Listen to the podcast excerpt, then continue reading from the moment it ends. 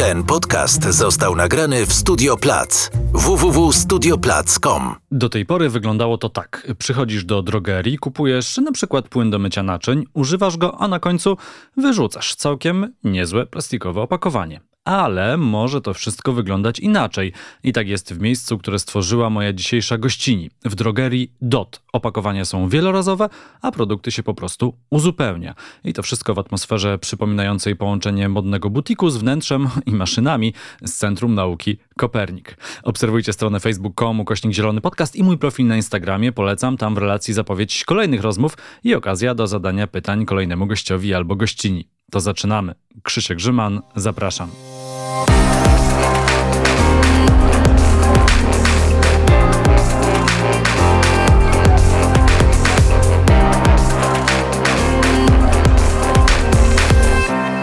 Gościnią Zielonego Podcastu jest Magda Januszkiewicz, założycielka drogerii DOT. Dzień dobry. Dzień dobry. Takiej nietypowej drogerii, bo miejsce, e, do którego przychodzi się z butelką e, i kupuje detergenty e, bądź kosmetyki na litry, czy na pół litry w zasadzie też. Tak jest. No dobrze, miejsce jest w Warszawie przy ulicy Dąbrowskiego 71. Bardzo się cieszę, że takie powstało, bo myślę, że w głowach wielu osób po prostu takiego miejsca w Warszawie brakowało. To wydaje się tak oczywiste, że powinno się takie proste, codzienne rzeczy kupować na właśnie kilogramy albo na litry, ale jakoś to nie mogło powstawać. Powiedz, kiedy w twojej głowie zakiełkował ten pomysł, żeby stworzyć DOTA? Tak naprawdę, mm, tak jak mówisz, od zawsze wydawało mi się to dziwne, że nie ma takiej możliwości.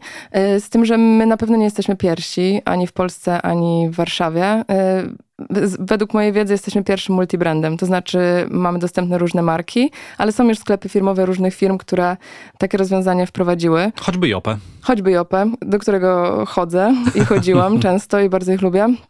Mm, tak, oczywiście. W Łodzi też powstała taka duża stacja firmy OnlyBio. E, także śledziłam też, skąd byłam naprawdę na bieżąco. Widziałam też za granicą różne takie rozwiązania. E, natomiast, tak jak mówię, według mnie, według mojej wiedzy, tylko u nas jest kilka marek do wyboru, a będzie oczywiście coraz więcej. Bo założenie jest takie, y, żeby zredukować ten niepotrzebny jednorazowy plastik. Co dla mnie jest super bliskie, bo my z kolei próbujemy redukować te niepotrzebne jednorazowe opakowania w kawiarni. Dokładnie. To o to chodzi. To jest y, opakowanie, którego używamy dosłownie przez chwilę, bo mydło czy y, szampon to jest kwestia kilku dni, czasami tygodni. Y, tak samo produkty do prania. U mnie tego najwięcej mm. zawsze y, schodziło. Te opakowania są, wiesz, super, są niezniszczone, są w dobrej formie, że tak powiem. Mm, szkoda jest je wyrzucać. To, to wygląda po opróżnieniu jak produkt, który nadal jest zdatny do użytku zawsze dziwiłam się, że, że je wyrzucamy. Nie było na nie pomysłu. Wiem, że można oddać je do recyklingu, natomiast no nie chodzi jednak mi o to przetwarzanie i o całą tą energię, którą musimy zużyć do, do przetworzenia tego plastiku, te wszystkie badania, które muszą później przejść. Mi chodziło stricte o użycie ich ponownie w tej samej formie do tego samego produktu. To jest też jedno z takich kłamstw, które duże firmy próbują nam sprzedać, że słuchaj, nasze opakowanie jest zrobione w 100% z plastiku, a plastik można w 100% poddać recyklingowi, więc sobie nie ma problemu z tym plastikiem. I tak starają się duże firmy nam sprzedawać e, te swoje e, pseudozielone idee. No problem jest taki, że tego plastiku jest coraz więcej, coraz więcej, coraz więcej a ten recykling wygląda cały czas dość słabo. A wiadomo, że plastik pochodzi z ropy, słabo się rozkłada, przyczynia się też do e, ocieplenia klimatu. Mamy przecież problem z mikroplastikiem, e, mikroplastikiem, e, którego jest mnóstwo w oceanach i nie tylko. Są zresztą badania, które dowodzą, że ten mikroplastik jest także w naszym ciele. Tak jest, słyszałam, że jest w naszej krwi, co jest przerażające. Ja wychodzę z założenia, że mm, z tego plastiku nie zrezygnujemy. Oczywiście nie jest to idealny materiał, ale jest to super materiał, zwłaszcza do takich ciężkich produktów i zwłaszcza jak się dużo tego płynu naleje. Mówię tutaj na przykład o opakowaniach do mm, produktów do prania, do płukania tkanin. To jest dobry materiał do tego typu y, produktów, bo też zastanawialiśmy się, czy nie lepiej korzystać jest ze szkła w tym wypadku. Natomiast y, zdecydowaliśmy się na plastik, ponieważ ma dużo korzyści. Taka butla przede wszystkim jest lekka, jest wytrzymała, jest generalnie y, naprawdę dobrym produktem. Ale różnica jest taka, że ten wasz plastik, czyli wasze butle u was w drogerii są wielorazowe. To znaczy znaczy kupuje się je raz i później się z nimi wraca i po prostu je napełnia. No i oczywiście są zrobione z plastiku pochodzącego z recyklingu. Dokładnie. Ja swoje butle używam już około pół roku jestem z tego naprawdę dumna, dlatego że jeszcze zanim otworzyłam drogerię, ale miałam już produkty na stanie, yy, już zaczęłam się tam zaopatrywać i no to jest super. Mm, nie policzyłam jeszcze ile zużyłam tych opakowań, ale mm, rocznie jest to do kilkunastu kilogramów przy takiej dużej rodzinie jak moja. U mnie w domu mieszka y, sześć osób. Także mówiłeś też o tym, że recykling wiemy jak wygląda. To znaczy ja wiem, że recykling w Polsce wygląda dobrze, bo odwiedzałam kilka zakładów i w ogóle to jest super efektywny proces i do 100% można odzyskać tego plastiku. E, problemem jest jednak to, że po pierwsze my nie wrzucamy e, odpadów do odpowiednich koszy i to jest e, nagminne i może nie musimy o tym rozmawiać, natomiast no to jest, to jest podstawowy problem. Nie, no możemy o tych złych sprawach też rozmawiać jak najbardziej. Właśnie chciałabym o tych wesołych i o tych takich pocieszających. Czas czasy są ciężkie. Tak jest. Y, przede wszystkim nie wrzucamy ich do odpowiednich koszy, y, a druga rzecz jest taka, że plastik z recyklingu y, nie każdy jest, że tak powiem, dobrej jakości. To znaczy nie zawsze będziemy mogli użyć tego plastiku do na przykład produktów, które mają kontakt z żywnością i tak samo jest z kosmetykami. Także nawet jeżeli to będzie przetworzone, to będzie to już odpadem prawdopodobnie trochę gorszej kategorii. Także to jest też to ograniczenie. Ja tak jak mówię, wierzę w to, że te opakowania są zdatne do użytku, za szybko je wyrzucamy, tak samo jak wiele innych rzeczy. Natomiast ja skupiam się na opakowaniach właśnie do kosmetyków i detergentów. Nie mówię tutaj o ubraniach, nie mówię o butach i o innych y, rzeczach.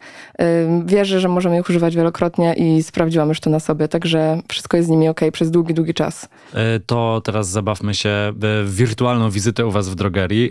W podcaście to nie jest takie proste, bo można operować tylko głosem i opowieścią, no ale musimy to jakoś narysować naszym słuchaczom, szczególnie tym spoza Warszawy. Czyli ktoś się wybiera na Mokotów, wchodzi do drogerii, która zresztą wygląda trochę jak butik. E, rozmawialiśmy o tym przed rozmową, że jest bardzo ładnie zaprojektowana, bardzo zwraca uwagę, bardzo gratuluję. Wchodzi się, e, są wózki, e, tak jak w tradycyjnych drogeriach, jeżeli komuś by tego brakowało. No zresztą produkty też są dość ciężkie. No i co, jedzie się do takiej stacji i się po prostu, no mówiąc dosłownie, tankuje te produkty. Tak jest. Mamy w drogerii dostępne butelki o dwóch pojemnościach, litrowa i półlitrowa, także wystarczy sięgnąć butlę, jeśli jesteś u nas pierwszy raz, przyłożyć ją do odpowiedniego kraniku, wcisnąć przycisk, poczekać aż e, się napełni do końca. Bardzo istotnym elementem na sam koniec uzupełniania jest e, oczywiście odpowiednie zakręcenie butelki, ale też naklejenie etykiety produktowej. To jest wymóg producentów i oczywiście zapobiega to pomyłkom, także to jest bardzo ważne, żeby wchodząc ze sklepu butle były oklejone. Na etykietkach znajduje się wszystko to, co czego wymaga od nas prawo. Jest numer serii produktu, data przydatności, pełen skład i nazwa producenta. Także po uzupełnieniu, po zakręceniu, po naklejeniu naklejki można kupić oczywiście też inne rzeczy, które są e, obok na półkach. Tutaj kluczem było to, żeby one były bez opakowania lub z takim minimalistycznym opakowaniem które jednoznacznie wiadomo, do którego kosza się wyrzuca, a później podejść do kasy. Wracając do nas na kolejne zakupy jest już łatwiej o tyle, że nie trzeba sięgać butli, nie trzeba je kupować. Wiadomo, że jak obsługiwać maszynę, chociaż nie jest trudne to, bo ma tylko ile guzików? Jeden. Co więcej, to jest takie ciekawe doświadczenie i fajne. Dzieci bardzo lubią napełniać te butelki. No, na e, zdjęciach te maszyny wyglądają jak z Centrum Nauki Kopernik. Bo tak miały wyglądać, także cieszę się, że to mówisz. Super. Tak jest. Jest to łatwe i przyjemne i naprawdę trwa 15 sekund. Wysiłek niewielki. Dobrze, czyli tak wygląda wizyta i e, tak wygląda e, kupowanie. Wiele osób, jak się zastanawia, siedzi sobie na kanapie, myśli sobie, no a dlaczego jeszcze tego nie zrobili? Albo dlaczego jeszcze tego nie wprowadzili? Przecież, to jest wszystko takie proste. No, jak prowadzi się już e, własną działalność czy, czy, czy firmę, okazuje się, że nie wszystkie te rzeczy są takie proste. Bardzo często pojawiają się przepisy sanepidowskie, BHP-owskie, są różne wymagania producentów, są też czasem bardzo różne wymagania, które w ogóle nam nie przychodzą do głowy. Pamiętam, jak zaczęliśmy współpracować z takim startupem odbierającym fusy z kawy, czyli no wydaje się, cóż tutaj może być skomplikowanego. No bierzesz, zbierasz fusy w jednym miejscu, ktoś je odbiera, wywozi i przerabia coś innego. Tym zajmuje się między innymi taki startup w Polsce Ecobin, chociaż tych rozwiązań na świecie jest więcej. No okazuje się, że na przykład tam y, wchodzą y, przepisy dotyczące odpadów i trzeba trzeba to pozgłaszać do bazy danych, da, danych odpadowych, te dane są później przesyłane, synchronizowane. No jakby wydaje się, patrząc z boku, super prosta sprawa. W ogóle 5 minut i załatwione. Okazuje się, że im e, w startupie zajęło to kilka miesięcy, żeby się dogadać z jakimś tam urzędem marszałkowskim czy, czy, czy z innym. E, no a jak to wyglądało przy otwieraniu takiej drogerii na litry? To było skomplikowane z tej strony właśnie takiej formalności papierów prawniczej, czy, czy udało się szybko? To było skomplikowane. E, ostatecznie może udało się szybko, może to ja jestem niecierpliwa. Natomiast e, trwało to na pewno dłużej niż zakładałam i było to trudniejsze niż zakładałam. My no tak powiem nieskromnie, po prostu dobrze się przygotowaliśmy mm, do rozmów z producentami i nasze rozwiązanie jest kompleksowe. Z każdej strony pokazaliśmy im, że y, im, to znaczy przede wszystkim to zagrożenie, które jest największe i o które się martwią mm, producenci, no to bezpieczeństwo produktu i my pokazaliśmy, że na całej ścieżce mm, produkt jest bezpieczny, wszystko jest y, oznaczone poprawnie, przechowywane poprawnie. Także my jesteśmy takim dystrybutorem, który w niecodzienny sposób dystrybuuje swój produkt, natomiast robimy wszystko zgodnie z prawem i producenci byli zadowoleni z naszej prezentacji. Także trwało to prawie dwa lata. Związane było to również z budową maszyn rozlewających. To robiła profesjonalna firma, która, firma, która się zajmuje zajmuje tym. Natomiast udało się i teraz już jesteśmy gotowi budować kolejne i rozszerzać tylko asortyment. Pewnie jest dużo prościej, jeżeli się samemu jest producentem i po prostu zaczyna się sprzedawać swoje produkty, tak jak na przykład Jope to robi, wspomniane. Dla nich to jest zupełnie inna ścieżka, dla ciebie inna, no bo chciałaś, żeby były tam dostępne produkty różnych producentów. Powiedziałeś, że to jest multibrand, a jednocześnie, co jest ważne i wydaje mi się, że jedną w ogóle z ważniejszych rzeczy, jeżeli chcemy wprowadzać te zmiany, nie jest drogo u was. Bo bardzo często te wszystkie wszystkie sklepy, no w cudzysłowie eko, bo wiadomo, że tutaj nie, nie akurat o to słowo chodzi, są kojarzone jako miejsca dość drogie. Dokładnie. I to były, super to wychwyciłeś, to były do, dokładnie te dwie rzeczy, którym chcieliśmy zapobiec. To znaczy, wiemy, że dystans już na wstępie jest duży, ponieważ trzeba włożyć, włożyć wysiłek w noszenie tej butli. Wydaje się proste, ale ostatecznie proste nie jest dla wielu osób.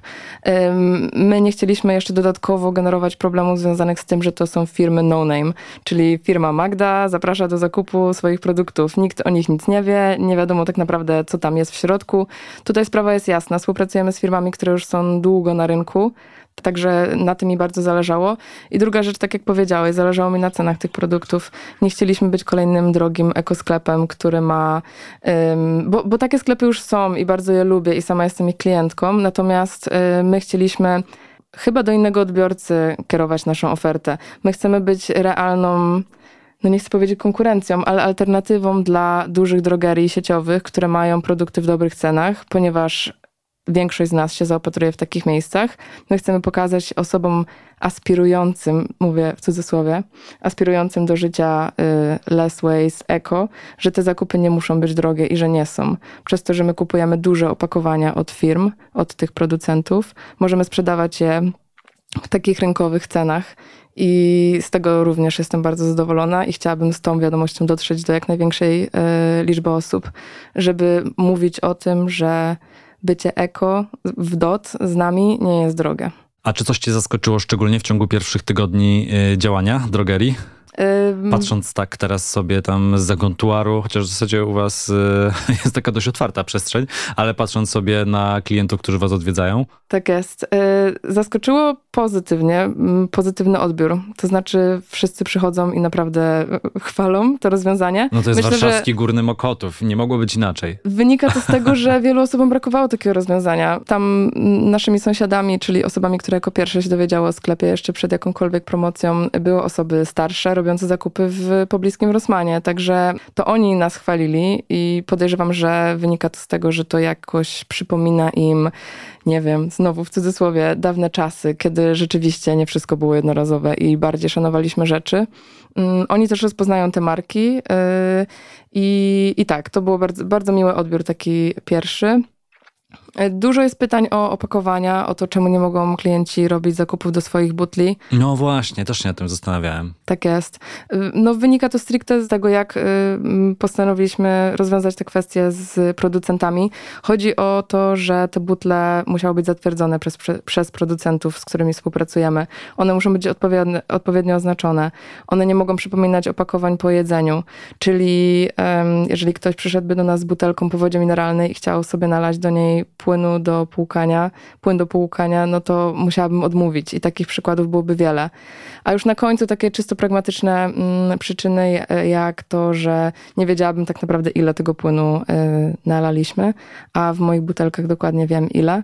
Także założenie i punkt wyjścia jest taki sam jak w tradycyjnej drogerii. Kupujesz produkt raz. Różnica jest taka, że później płacisz już tylko za samo za, samo, mm, za sam płyn, a nie za opakowanie. No, y, tak sobie jeszcze myślę y, z tymi opakowaniami, y, trochę nawiązując do tego mojego wcześniejszego pytania, gdy mówiłem o tym, że ta współpraca z firmami, że to wszystko nie jest takie proste. No właśnie, tak, bo y, jeżeli możemy mieć w butelce coś do mycia ciała, a w bardzo podobnej butelce możemy mieć coś do prania, co w sumie nie jest tak dobre, żebyśmy się na przykład tym przez przypadek umyli pod prysznicem i ta naklejka się musi znaleźć na opakowaniu. No patrząc na to z tej takiej strony odpowiedzialności i, i ewentualnych roszczeń klientów, którzy mogli przecież by je mieć. Co prawda nie żyjemy w Ameryce, więc całe szczęście e, nie byłyby to jakieś milionowe pozwy, że, że ktoś się pomylił, ale nadal e, no to bezpieczeństwo jednak jest e, super ważne. Zresztą wydaje mi się, że też, no to nawet nie, nie że pandemia, ale gdzieś tam w pandemii miałem dużo takich rozmów, że bądźmy less waste czy zero waste tak bardzo jak się da, ale pamiętajmy, że bezpieczeństwo jest zawsze na pierwszym miejscu. Dokładnie. Też pamiętajmy, że mm, nie możemy wszystkiego zmienić naraz. Teraz y, zależało mi na tym, żebyśmy mogli sprzedawać y, płyny do wielorazowych opakowań i to udało nam się osiągnąć. Klienci też często pytają, czy składy są w 100% biodegradowalne, albo czy właśnie można przychodzić ze swoją butelką. Na te pytania odpowiedź na razie brzmi nie, ale bądźmy też cierpliwi, ponieważ wiem, że dużo rzeczy się zmienia, dużo przepisów się zmienia i też y, my też będziemy się rozwijać. Nie wiemy nawet dokładnie, w jakim kierunku to pójdzie. Natomiast na ten moment, tak jak mówię, najważniejsze jest to, że tej butli można używać wielokrotnie i to jest całe clue. Składy nie są w 100% biodegradowalne, to znaczy nie wszystkich produktów, bo części tak. Y, Butle muszą być nasze, ale mm, dajmy sobie y, czas. Dajmy też innym markom czas, bo ja mam nadzieję, że to będzie się rozwijało i że będzie szło w tym kierunku. Y, Dla mnie każdy kolejny tego typu sklep to jest w ogóle in plus. To, to, to działa na korzyść. Także na ten moment tak to wygląda, ale wierzę, że to rzeczywiście mm, dzięki temu po prostu te klienci są bezpieczni, te produ- produkty są bezpieczne. Myślę, że wszyscy mamy w sobie jakąś taką niecierpliwość, jeżeli chodzi y, o te zmiany, ale chyba też warto wziąć poprawkę na to, że żyjemy teraz w tym takim świecie startupów i te wszystkie cyfrowe aplikacje powstają i bardzo często one po prostu niczego nowego nie wnoszą do naszego życia, oprócz tego, że zajmują nam czas, którego i tak mamy już zdecydowanie za mało na relacje międzyludzkie, więc to, że powstają też takie firmy naprawdę bardzo życiowe i codzienne, to jest super, ja to bardzo doceniam, bo to rzeczywiście może zmienić jakoś to nasze e, codzienne życie. A powiedz mi, czy te relacje, mm, bo, bo, bo mówiliśmy na razie o tym, jak wygląda wizyta klienta u was w drogerii, a czy w relacjach B2B, no bo te relacje z klientami to się fachowo nazywa B2C, e, a czy w relacjach B2B, czyli na przykład z waszymi dostawcami też się udało wyeliminować te niepotrzebne opakowania, bo na przykład u nas w kawiarni się udało częściowo, tak? Jak przyjeżdża do nas kawa z palarni, pomijając to, że teraz sobie sami wypalamy kawę, no ale też to sami robimy, to mamy opakowania zwrotne, wielorazowe, które w takim obiegu zamkniętym między nami a palarnią cały czas sobie jeżdżą. No i dzięki temu nie ma tych y, bezsensownie wyrzucanych kilogramowych paczek zrobionych czy to z plastiku, czy z jakichś tam wielowarstwowych y, materiałów. Y, Czy wam we współpracy z producentami też się tak udało? Tak jest, udało się i z tego również jestem bardzo dumna. Opakowania, w których dostarczane są nam y, produkty, y, są duże, mieści się w nich 30 litrów płynu i są dosyć ciężkie, ważą powyżej kilograma, więc... Samo y, opakowanie. Samo opakowanie. Więc gdybym miała przy, po, po każdych 30 klientach wyrzucać takie opakowania, to trochę bym się martwiła. Udało się i opakowania te również są wielokrotnego użytku. Nie było to łatwe, powiem ci, bo szukałam przez długi czas firmy, która będzie chciała czyścić tego typu kanistry. Mm, znalazłam firmy, które czysz, y, czyszczą skrzynki na przykład po pieczarkach albo Okej. y, śmietniki takie miejskie obsługiwane przez, przez firmy wywożące odpady. Natomiast y, takie nietypowe opakowania 30-kilogramowe, takie kanistry my nazywamy, y, nikt nie chciał mi czyścić, a ja bardzo nie chciałam ich wyrzucać. Na szczęście udało się. Co prawda muszę je wysyłać do Lublina, ale y, to będzie kolejny etap. W kolejnym etapie będziemy szukać jakiegoś rozwiązania bliżej nas. Być może sami zbudujemy linię myjącą.